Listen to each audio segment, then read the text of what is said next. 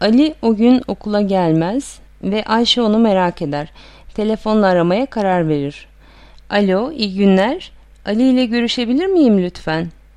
Size de iyi günler. Ali şu anda evde değil. Kim arıyordu? Ben Ali'nin okuldan arkadaşıyım. Adım Ayşe.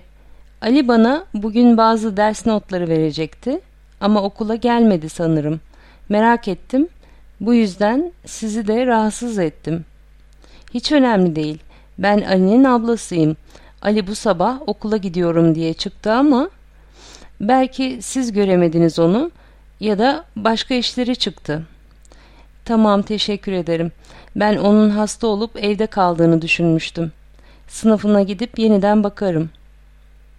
Ben de merak ettim şimdi. Umarım okuldadır da siz görememişsinizdir. Umarım. Tekrar teşekkür ederim. Size iyi günler. Size de.